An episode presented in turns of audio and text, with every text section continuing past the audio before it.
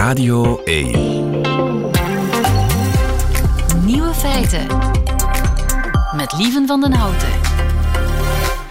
Dag en welkom bij de podcast van Nieuwe Feiten, gebaseerd op de uitzending van Nieuwe Feiten van 24 maart 2023.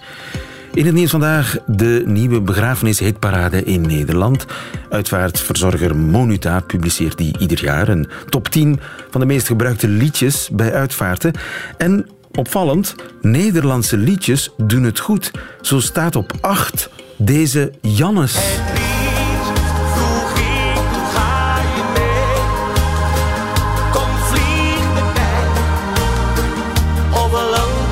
Zwevend naar geluk van Janne staat op 8 in de Nederlandse begrafenistop. Op nummer 3 Frans Bauer.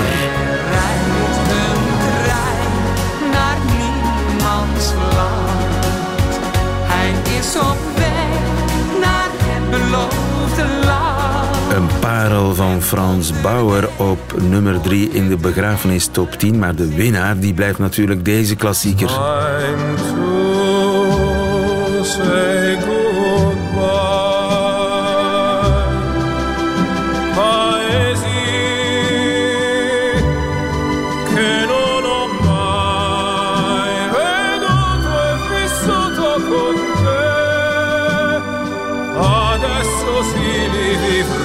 Conte Partiro of eh, de Engelse versie kan natuurlijk ook van deze Andrea Bocelli.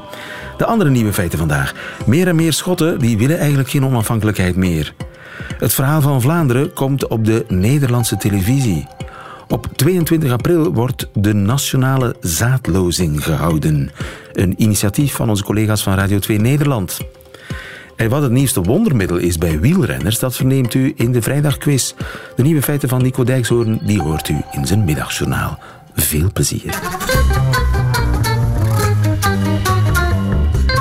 Nieuwe feiten. Willen de Schotten nog wel onafhankelijkheid? Lia van Beckhoven, goedemiddag. Goedemiddag, lieve. Tranen en applaus gisteren in het Schotse parlement. You will, of course, see me very soon on a backbench near here. But in the meantime, Presiding Officer, for the final time from me as First Minister to the people of Scotland, uh, thank you from the bottom of my heart for the privilege of being your First Minister. En daar gaat ze, met opgeheven hoofd. Nicola Sturgeon, ze nam gisteren afscheid als premier van Schotland.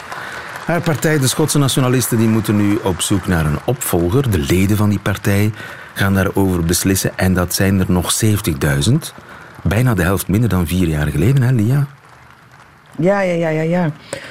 Inderdaad, dat is een van die dingen. ehm, dat afscheid gisteren was inderdaad geëmotioneerd. Hè. Ze zat een paar keer tegen tranen aan. Eh, dankzij ze voor eh, de eer u te mogen leiden. Het was, zei ze later, de grootste eer van haar leven geweest om eh, politiek leider van Schotland te zijn.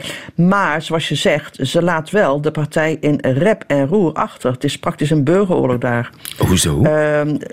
Nou, ze moest aftreden, dat vond ze zelf. Hè, want zij besloot te gaan. Een beetje zoals Jacinda Ardern in eh, Nieuw-Zeeland een paar maanden geleden... vond ook eh, Nicola Sturgeon dat regeren praktisch onmogelijk geworden was. Onder andere door sociale media. Maar ze zit al twintig jaar ehm, eh, in de top van de Schotse politiek. Eigenlijk haar hele volwassen leven zowat.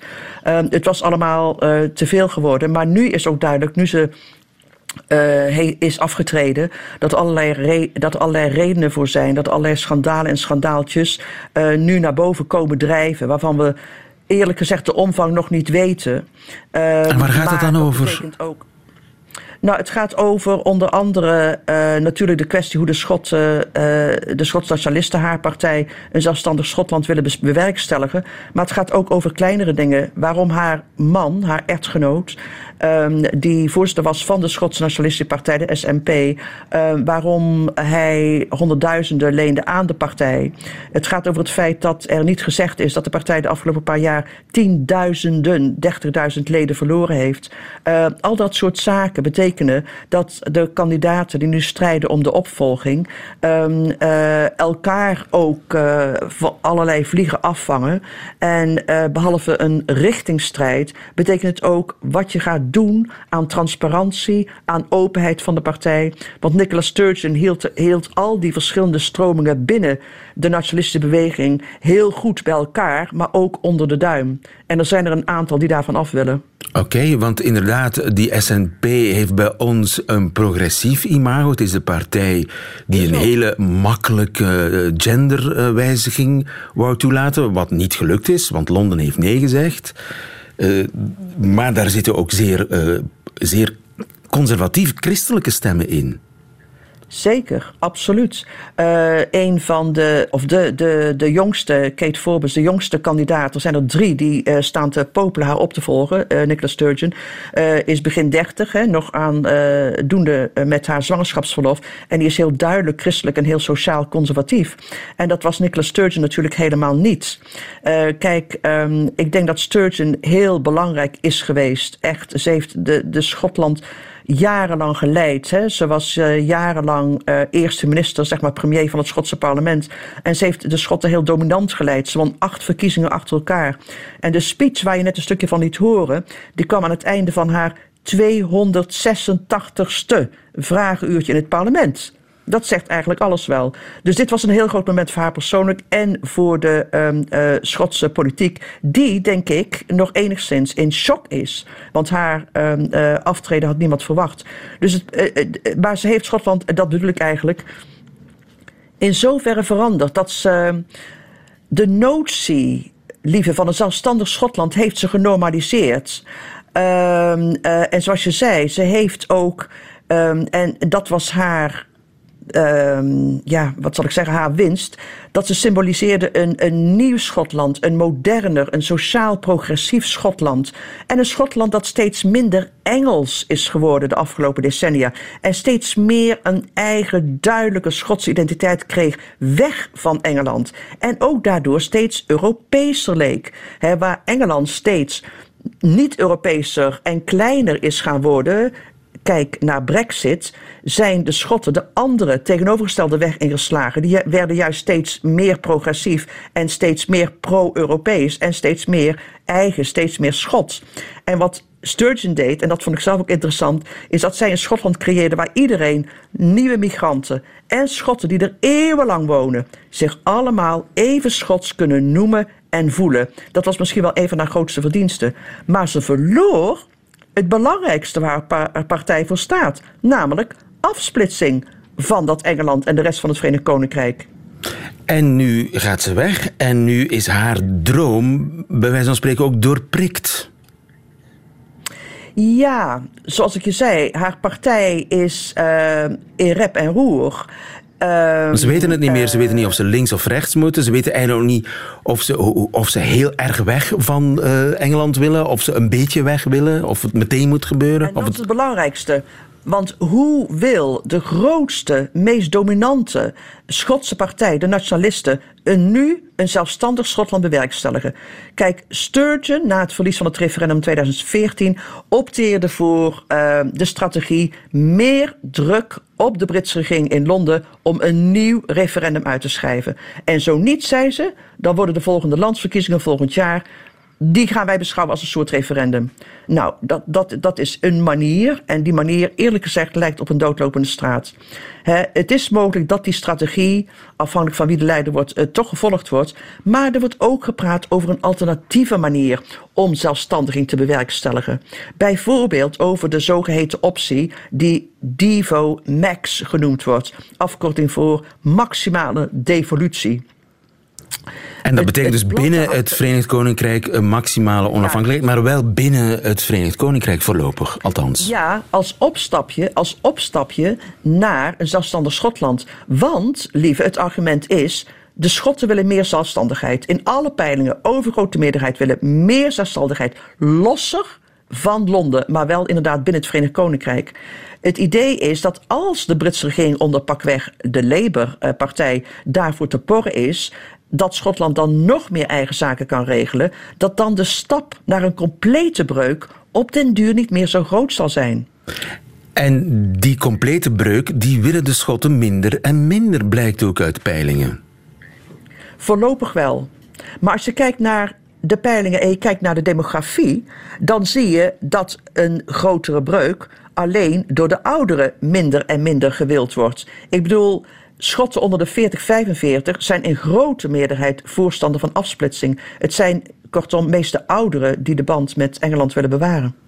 Maar ik onthoud vooral dat ze in uh, Schotland bij de SNP op zoek zijn naar een opvolger voor uh, Nicola Sturgeon. En dat dat nog niet zo makkelijk zal zijn met al die ja, interne troubles en uh, afsplitsingen binnen de SNP. Dankjewel, Lia van Beckhoven. Houd voor ons in de gaten. Nieuwe feiten. De ontdekking van België.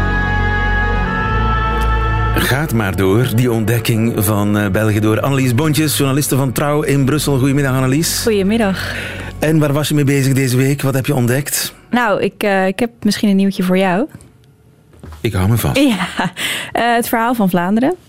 Het verhaal van Vlaanderen? Ja, maar dan... Heb je dat ontdekt? Nee, dat heb ik niet ontdekt. Dat gaat Nederland ontdekken. vanaf zondag wordt het verhaal van Vlaanderen ook in Nederland uitgezonden. Echt waar? Ja, nou, en dat vind ik heel erg leuk. Ja? Ja. En, en het verhaal van Nederland wordt dat want dat, dat is een groot succes in Nederland ook. Hè? Dat is een groot succes in Nederland. Ik denk niet dat het verhaal van Vlaanderen wordt uitgezonden omdat Nederlanders nou zo'n enorme interesse hebben in de geschiedenis van Vlaanderen, eerlijk gezegd. Um, nee, ik denk maar ik, ik wou eigenlijk eerst even weten of, of wij het verhaal van Nederland ook gaan uitzenden. Ik denk het niet, hè?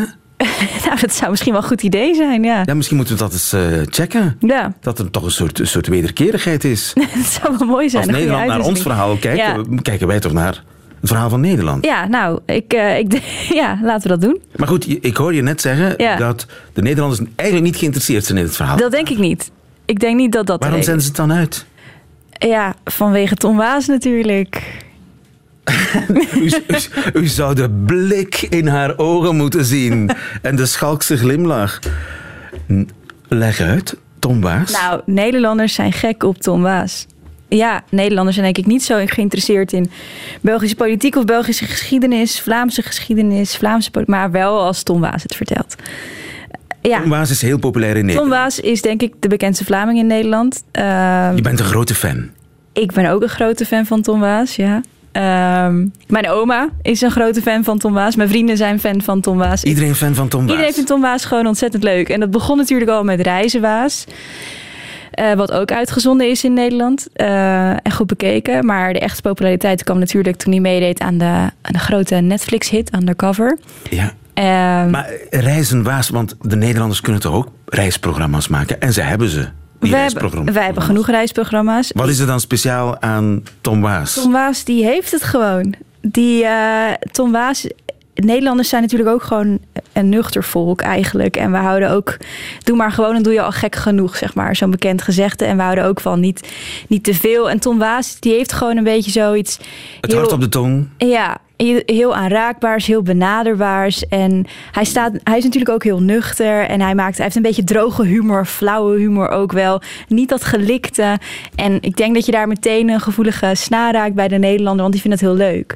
Ja, hij is ook heel goed. Hè? Het is een hele goede acteur, een heel goede presentator. Hij, hij spat van het scherm, hij stapt echt Ja. bij je binnen. En hij is heel vaak op televisie in Nederland, bij praatprogramma's. ehm, in de kranten staat hij, tv-programma's worden goed bekeken. En ik denk, ja, ik denk eigenlijk dat het een van de weinige Belgen is die Nederlanders kennen. Ehm, maar wat wel grappig is, is dat ik heb ehm, een vriend inmiddels hier, gewoon een vriend die komt uit Wallonië. En daar had ik het over de populariteit van Tom Waas. En toen zei hij, wie is Tom Waas? dat vond ik weer zo typisch. dacht ik, oh ja, Tom Waas is voor Nederlanders een bekende Belg. Maar de helft van het land, denk ik, eh, als ik hem daartoe eh, dat zo mag zeggen, die kent hem volgens mij ook helemaal Ja. niet. Maar Ja. opvallend is ook dat je zegt bekende Belg. Ja, precies. Ja, want dat, ja. Want die term bekende Belg gebruiken wij Nee, niet. nee, nee, nee, nee, nee. Ja, klopt. Wij zeggen bekende Vlaming. Ja, ja. Maar voor Nederlanders is Vlaming Belg. Dat is hetzelfde. Maar dat wordt misschien dus helemaal rechtgezet als iedereen nu naar het verhaal van Vlaanderen gaat eh, kijken, toch? Ja, want het is niet het verhaal van België, het is het verhaal van Vlaanderen. Ja, Oké, dus het werkt eigenlijk wel, hè? Die hele, die hele ja, eh, idee erachter om, om de identiteit te versterken. Nou, dat hoop ik. Dat moeten we nu gaan zien. Ja. En de discussie die bij ons gevoerd werd, zeker met name na de eerste aflevering, toen bleek dat plotseling een documentaire gepresenteerd werd door iemand in een soort van gekuist Antwerps. Ja. Wat, wat een soort.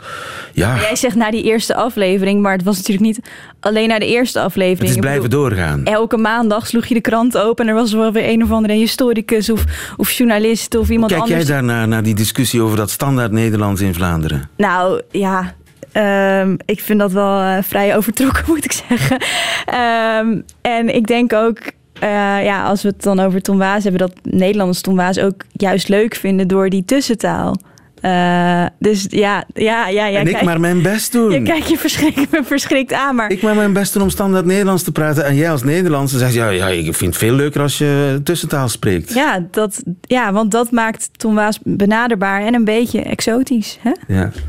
Ik maak me sterk dat zelfs Nederlanders nauwelijks het verschil horen tussen tussentaal en standaard Nederlands gesproken door een Belg. Eh, Hoor je dat? Als Tom Waas overschakelt. Want hij schakelt over. Hè. De, Ja. de offscreen is, is Nederlands, standaard Nederlands. Maar zijn stand-ups, hè, wat hij in de camera vertelt. Hoor jij dat taalverschil, dat nuanceverschil? Nou, nee. eh, Nee? Nee. Maar toen ik erover las, ging ik nog eens kijken en erop letten. En toen hè, kon ik misschien wel iets ontwaren. Maar De centrale vraag is natuurlijk: begrijp je Tom Waas? Dan wordt hij ondertiteld in Nederland. Oh, dat is, eh, daar heb ik nog niet eens over nagedacht. Ja, allicht. Is dat nodig echt? Is dat nodig? Dat zal blijken.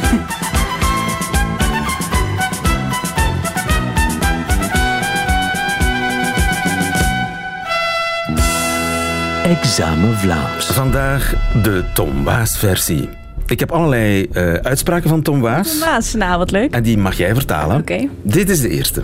Straf dus van Emily Klaes. Straf is eigenlijk wel straf. Veel straf. En dat is eigenlijk echt wel straf. Echt wel straf, ja. Straf. Ja, ehm, ja echt wel. Ja, hoe moet je dat vertalen? Eh, ik weet wel wat het is, maar ik weet eigenlijk niet hoe ik het uit moet leggen. Dat is wel. ehm, ja, dat is wel wat of zo, toch? Ja. Ja, ja. Straf is eigenlijk gewoon een synoniem voor sterk. Oh ja, oké. Ja, ja, ja. Sterk. Ja. Wordt ook van koffie gezegd. ja. Straffe koffie. Straf, strafbakkie. St- s- strafbakkie, dat, dat zeggen jullie ook. Ja. Voilà, kijk, wij hebben meer met elkaar te maken dan we dachten. Ik heb er met een peren mee gezien. Wat? ik heb een. Ik heb een peer. Wat? Ik heb er met een peren mee gezien. Je kijkt alsof je een muis of een spin ziet. Nee, hier maak ik echt niks van. Ik heb er mijn peren mee gezien. Ik ben er klaar mee of zo. Hij klinkt een beetje geërgerd. Nee, nee, nee, nee. Hij heeft afgezien. Ik heb er mijn peren mee gezien. Oh, Uw peren zien, ja, afzien. ja, ja. Nee, dat heb ik nog nooit gehoord. Nougatbollen. Ja, ja, ja. Eh, niks. Juist. Heb je alles, ge- ik heb het al eens gevraagd, ja, hè, ja, ja. Ja, ik onthoud het wel. ja, ja, ik begrijp er niks van. Ik verstand er nougatbollen van. Ja. Oké. Mochten er vragen zijn, Is de gewoon nu een pak, daar zijn geen versnellingen op. Verbijstering. Zeg, wa- iets, Zwansde jij nu een pak? zwanste hij nu een pak? Daar zitten geen versnellingen op. Zwansde jij nu? Oh, eh, ja, niet te geloven of zo. Wat maak je me nou? Eh, zoiets? Wat Zwansen dit is, nou? eigenlijk onzin vertellen. Zeveren wordt ook wel eens. Dat is synoniem voor zeveren. Zeveren, zeveren, oké. Zo- Oké, wow. Ik hoop ondertitels. Nee? Ja, dat is toch wel nodig. Dat, kunnen we nu toch wel dat kunnen we concluderen. wel concluderen. Ja, ik, Tom Waas is naast presentator ook zanger. nou, misschien? Nog terug aan een tijd die ik nooit vergeet. Ik oh ja, Dos. Servessels natuurlijk. De taal die sprak. Dankjewel, Annelies. En we genieten samen van Tom. Eh, Jij geniet dan vooral van Ja, ik vooral denk ik. Tom Waas. Dos cervezas por favor. Dos cervezas por favor.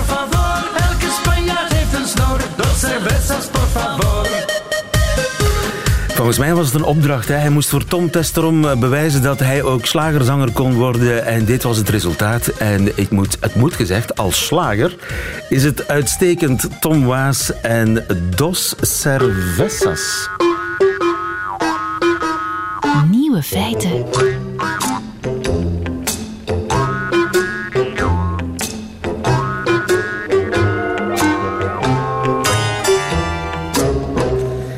Intussen bereidt Nederland zich voor op de nationale zaadlozing. En het goede nieuws is, we mogen allemaal meedoen. U ook. Stefan Sassen, goedemiddag. Ja, goedemiddag. Je bent presentator bij NPO Radio 2. Ja, ja. Zaterdag 22 april, over een maand gaat het gebeuren. De nationale zaadlozing. Het klinkt spannend. Ja, dat is het ook. Het is, eh, dat, de dag zelf is voor ons, eh, zeg maar, eh, dat eindigt altijd bij ons ook met een zaadbal. Maar die hele nationale zaadlozing is, dat is ooit begonnen, ik geloof ik, zes jaar geleden. Dat, die, dat we het idee hadden, laten we die lat nou eens flink hoog leggen, omdat die bijen aan het uitsterven zijn. Ah, eh, oké, omdat die bij aan... eh, Want eh, er werd hier ge- gefronst in de studio. Het gaat niet om mensenzaad. Nee, het gaat om eh, bijen, dus bloemenzaad. Het gaat om bloemenzaad. Ja. Oké. Oh ja, dat, dat moet ik even duidelijk maken. Teleurstelling voor sommigen, opluchting bij velen. Het gaat om bloemenzaad. Ja. Dus toen, ja, wij dachten laten we die lat hoog leggen. Omdat het in echt niet goed gaat. Van, ik geloof van de 360 is, is de helft, meer dan de helft, is, wordt met uitsterven bedreigd of is al overleden. En toen dachten we, nou laten we eens kijken of we in, in één week heel Nederland kunnen bevruchten. Dat is natuurlijk onmogelijk. Maar we kwamen toch op een gegeven moment een end, omdat we ook om zaad vroegen. En we kregen toen echt een paar zakken zaad. En toen zijn we in eerste instantie met busjes op die dag zelf eh, zijn we met busjes door het land gegaan en met emmertjes met zaad. En dan konden mensen met kopjes konden ze bij ons zaad halen. En dat werkte zo goed. En, en, en het jaar erop zijn we steeds groter geworden. En, en elke keer rond deze tijd zeiden we: wil je zaad? Gratis zaad en goed zaad, eh, potent zaad, eh, biologisch, gifvrij. En app ons: ik ben Hans, ik wil zaad. Of ik ben Carla en ik wil zaad. En, en, dat, en er kwamen drie, 400 appjes per uur binnen. En toen merkte ik in één keer dat het zaad, dat is, dat is de, de- die bijen, daar is iedereen voor. En niemand is tegen. En zaad verbindt. Eigenlijk, dat was eigenlijk. Toen werden we elk jaar enthousiaster. En nu eh, we gaan we, zijn we aan het werk met zaadbanken. Inderdaad, het zaadbanken, hoe, hoe werkt dat dan? ja, nou ja, die zaadbank, dat is echt geweldig. Dus eh, wij, we, we- in principe zijn we nu in Nederland al klaar. Dus mensen die kunnen dan een zaadbank worden. Dus dan, eh, dan ga je naar de staatvanstassen.be en dan zeg je ik wil een zaadbank worden. En dan krijg je alle eh, spullen thuisgestuurd. Dus je krijgt zaad thuisgestuurd en een, en een, eh, en een promomateriaal. En dan, krijg je, dan kun je dus gratis zaad weggeven in jouw omgeving. En in Nederland zijn we nu inmiddels op de 2500 zaadbanken geopend door heel Nederland. En we zijn ook België er- erbij, erbij betrokken. En daar hebben we er nu 300, geloof ik. Maar moet, willen we, we hebben er nog 200 over. Dus het zou echt fantastisch zijn als er in België ook 500 zaadbanken zijn geopend. En iedereen kan een zaadbank worden. Ik eh, kan ook Ja. een zaadbank worden. Het enige wat ik moet doen is eh, naar eh, jullie website surfen. Eh, De staat van Stassen.be, die bestaat al? Ja, die hebben we dus speciaal voor jou Wauw, gemaakt. de staat van Stassen in één woord.be.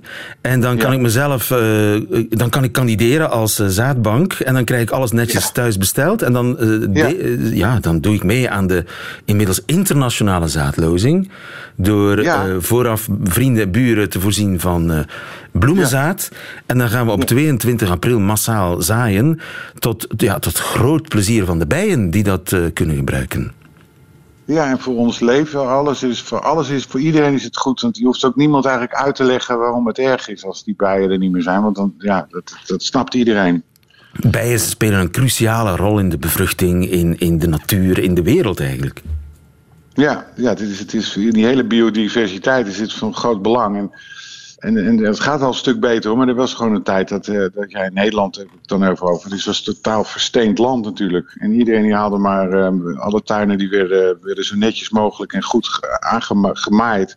Terwijl het, tegenovergestelde moet gebeuren, want die bijen die, die, die, die, die, die vliegen maar 150 tot 500 meter. Dus in dat gebiedje hebben ze een nest en dan moeten ze een voedsel. En voor die bloemen is het ook leuk, want die bloemen die maken zich extra aantrekkelijk als er bijen in de buurt zijn. Dus als je denkt, wat staan mijn bloemen mooi, dan zijn er meestal bijen in de buurt. Omdat die willen zich aantrekkelijk maken, die eh, bloemen. Prachtig. En eh, welk zaad krijg ik dan? Eh, welke bloemen? Ja, nou, dat is echt fantastisch hoeveel... Ja, ik, heb, ik heb het nou even niet bij mijn Allemaal inheemse Sint-Janskruid, ja. biggekruid, wat is het? Uh, ja. Ja, de duizendblad, bolderik, de kamille, het barbara-kruid, grijskruit. Ik, le ik, lees het ook maar af hoor, ik, ik, ken het niet uit ja, het nee, hoofd. Maar dat, is, maar dat is heerlijk om te horen ook. Avondkoekoeksbloem, nee, baas Silene, rode klaver. Het zijn gedichten op zich hè. Ja, nee, en het is ook een feest om te kijken wat er dan van dat hele mengsel uitkomt. Maar het, zijn, het, is, allemaal, uh, het is allemaal prachtig. De staat van stassen.be. Ja. Geef je op als uh, zaadleider of zaadbankier en dan krijg je alles netjes ja.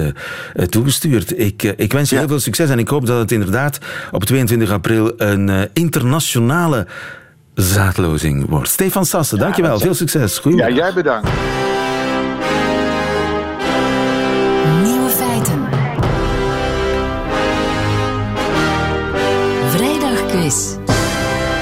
Want er is natuurlijk een uh, reden waarom Gilles Wijkmans hier is komen zitten. Omdat het uit is met de pret.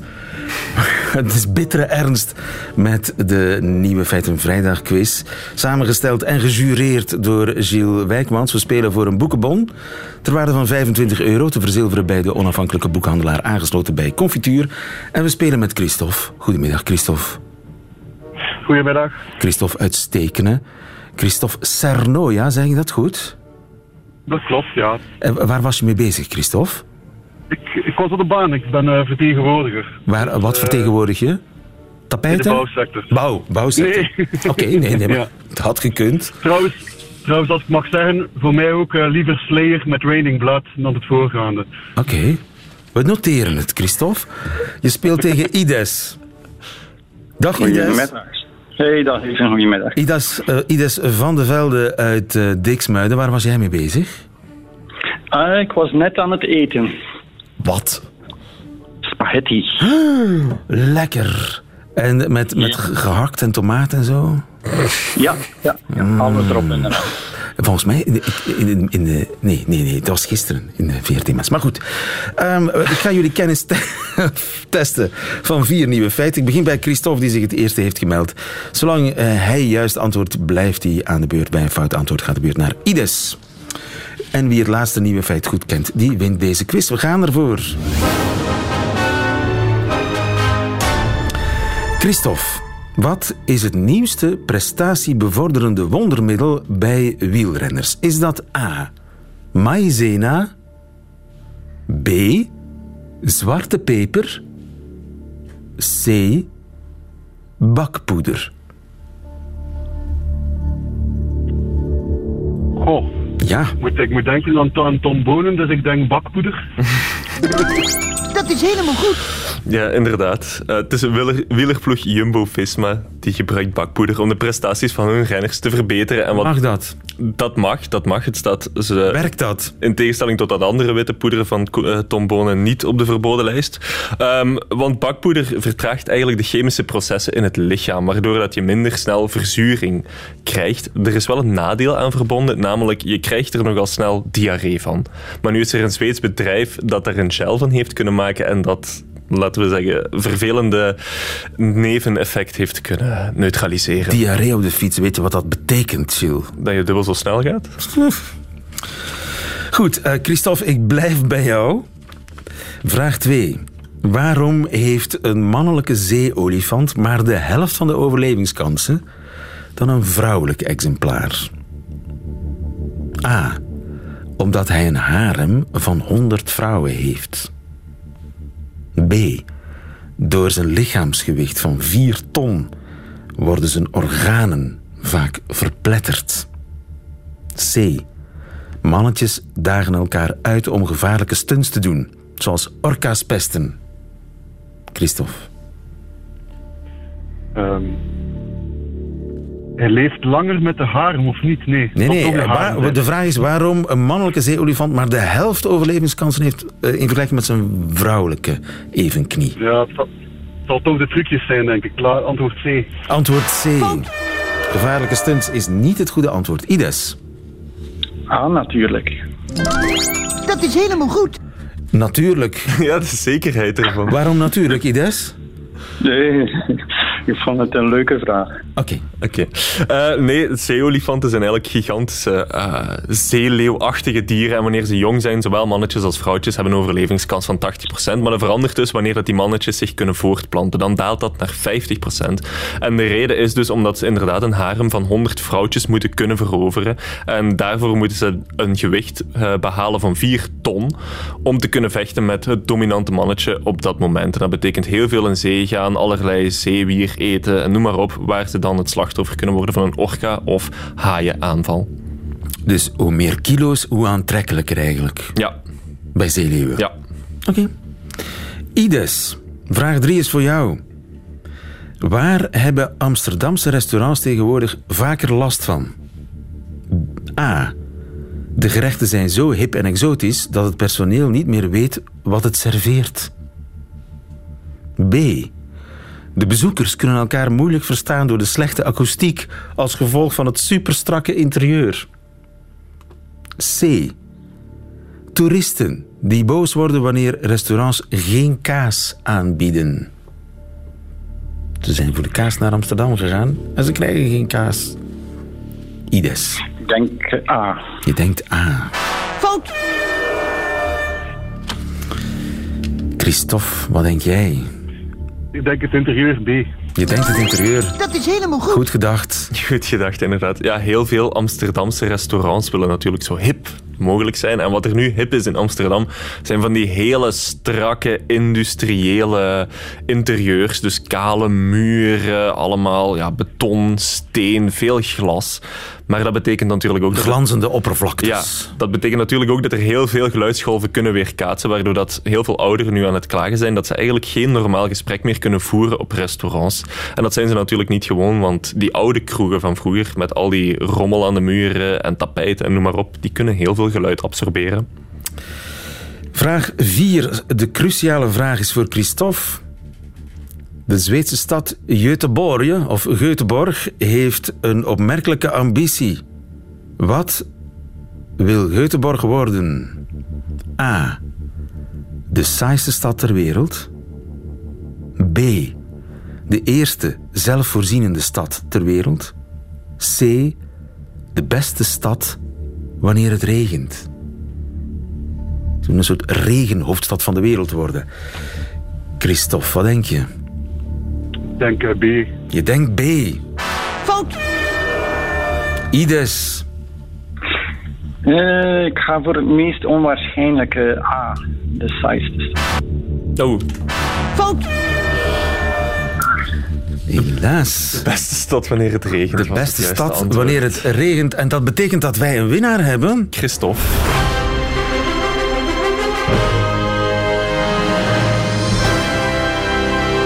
Zo bizar kan het lopen dat, uh, dat je alsnog onverwachte winnaar wordt. Christophe, gefeliciteerd. Christophe Ja. Cerno, ja.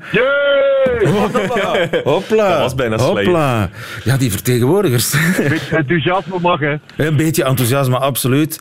Eh, de zon eh, schijnt voor jou vandaag, eh, Christophe. Want eh Göteborg wil inderdaad de beste stad ter wereld worden wanneer het regent. Hoezo? Ja, want normaal wanneer een stad gebouwd wordt, gebouwen, eh, gebouwd worden, dan wordt er nagedacht over hoe dat de regen zo snel mogelijk afgevoerd kan worden. Maar in Göteborg...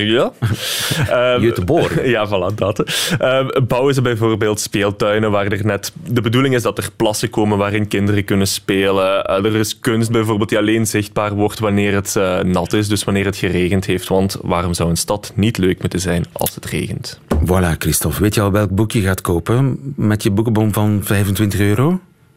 Ja, Sophie Klaarhout, dader onbekend. Oh, wauw, dat was zeer gedecideerd. En waarom? Eh, ja, het is, het is, criminologie interesseert mij enorm. Dus, eh, goed, ik heb, het zit nog niet in mijn collectie. Sophie Klaarhout, dat is dit met die, met die Y-chromosomen, hè? Dat is die, Ja, inderdaad, ja, die, die, eh, volgens mij heeft ze ooit de PhD Cup gewonnen.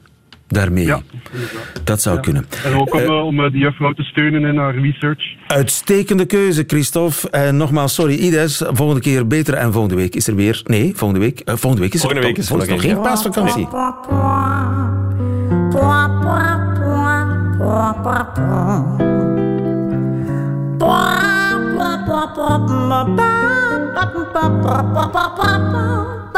Nieuwe feiten. Ziezo, dat waren ze, de nieuwe feiten van 24 maart 2023. Alleen ook die van Nico Dijkshoorn, die krijgt u nu in zijn middagjournaal.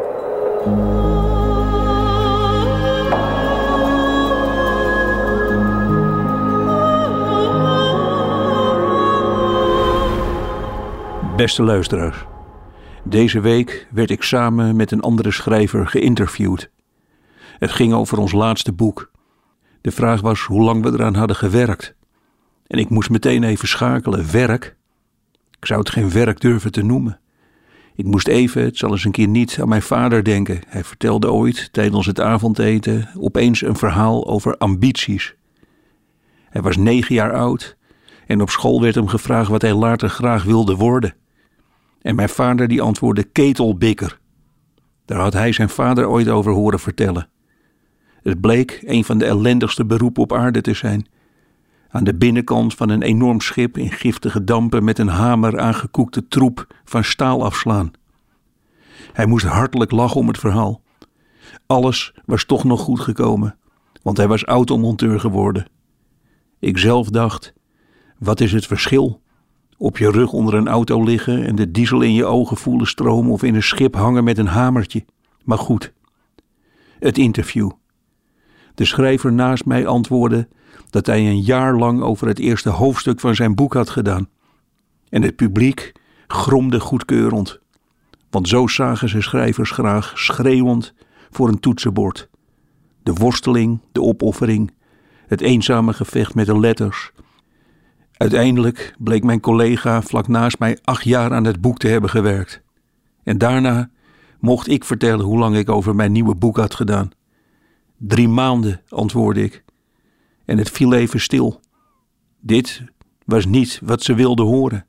Ik legde uit dat ik me in die drie maanden uitstekend had vermaakt. Ik had keihard zitten lachen om mijn eigen teksten, iedere dag weer een hoofdstuk. Maar luisteraars, ik geef hiertoe dat ik wel even heb getwijfeld. Ik kon die mensen daar in dat zaaltje natuurlijk ook vertellen dat tijdens het schrijven mijn haar in zes dagen spierwit was geworden en dat ik naar de maan had gehuild. En dat ik, om dan in godsnaam maar wat te voelen, iedere nacht met mijn voorhoofd een kaars had gedoofd. Ik heb de interviewer uiteindelijk verteld dat ik het boek bij kaarslicht heb geschreven. En dat was blijkbaar voldoende. Iedereen tevreden. Dus luisteraars, wat u mij nu hoort vertellen, daar heb ik negen jaar aan gewerkt. Ik heb spraakles genomen. Ik heb twee jaar aan deze laatste zinnen gewerkt in een klooster ergens in Zuid-Italië. Allemaal voor u, luisteraars. Want u bent de baas. Voor u leef ik zoals u graag wilt dat schrijvers leven.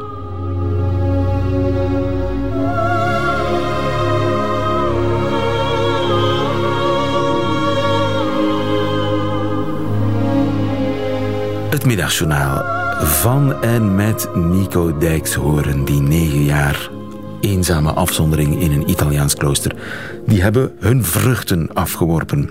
Einde van deze podcast doet u liever de volledige nieuwe feiten met de muziek erbij. Dat kan natuurlijk live elke werkdag op Radio 1 tussen 12 en 1 of on demand via de website of app van Radio 1. Tot een volgende keer.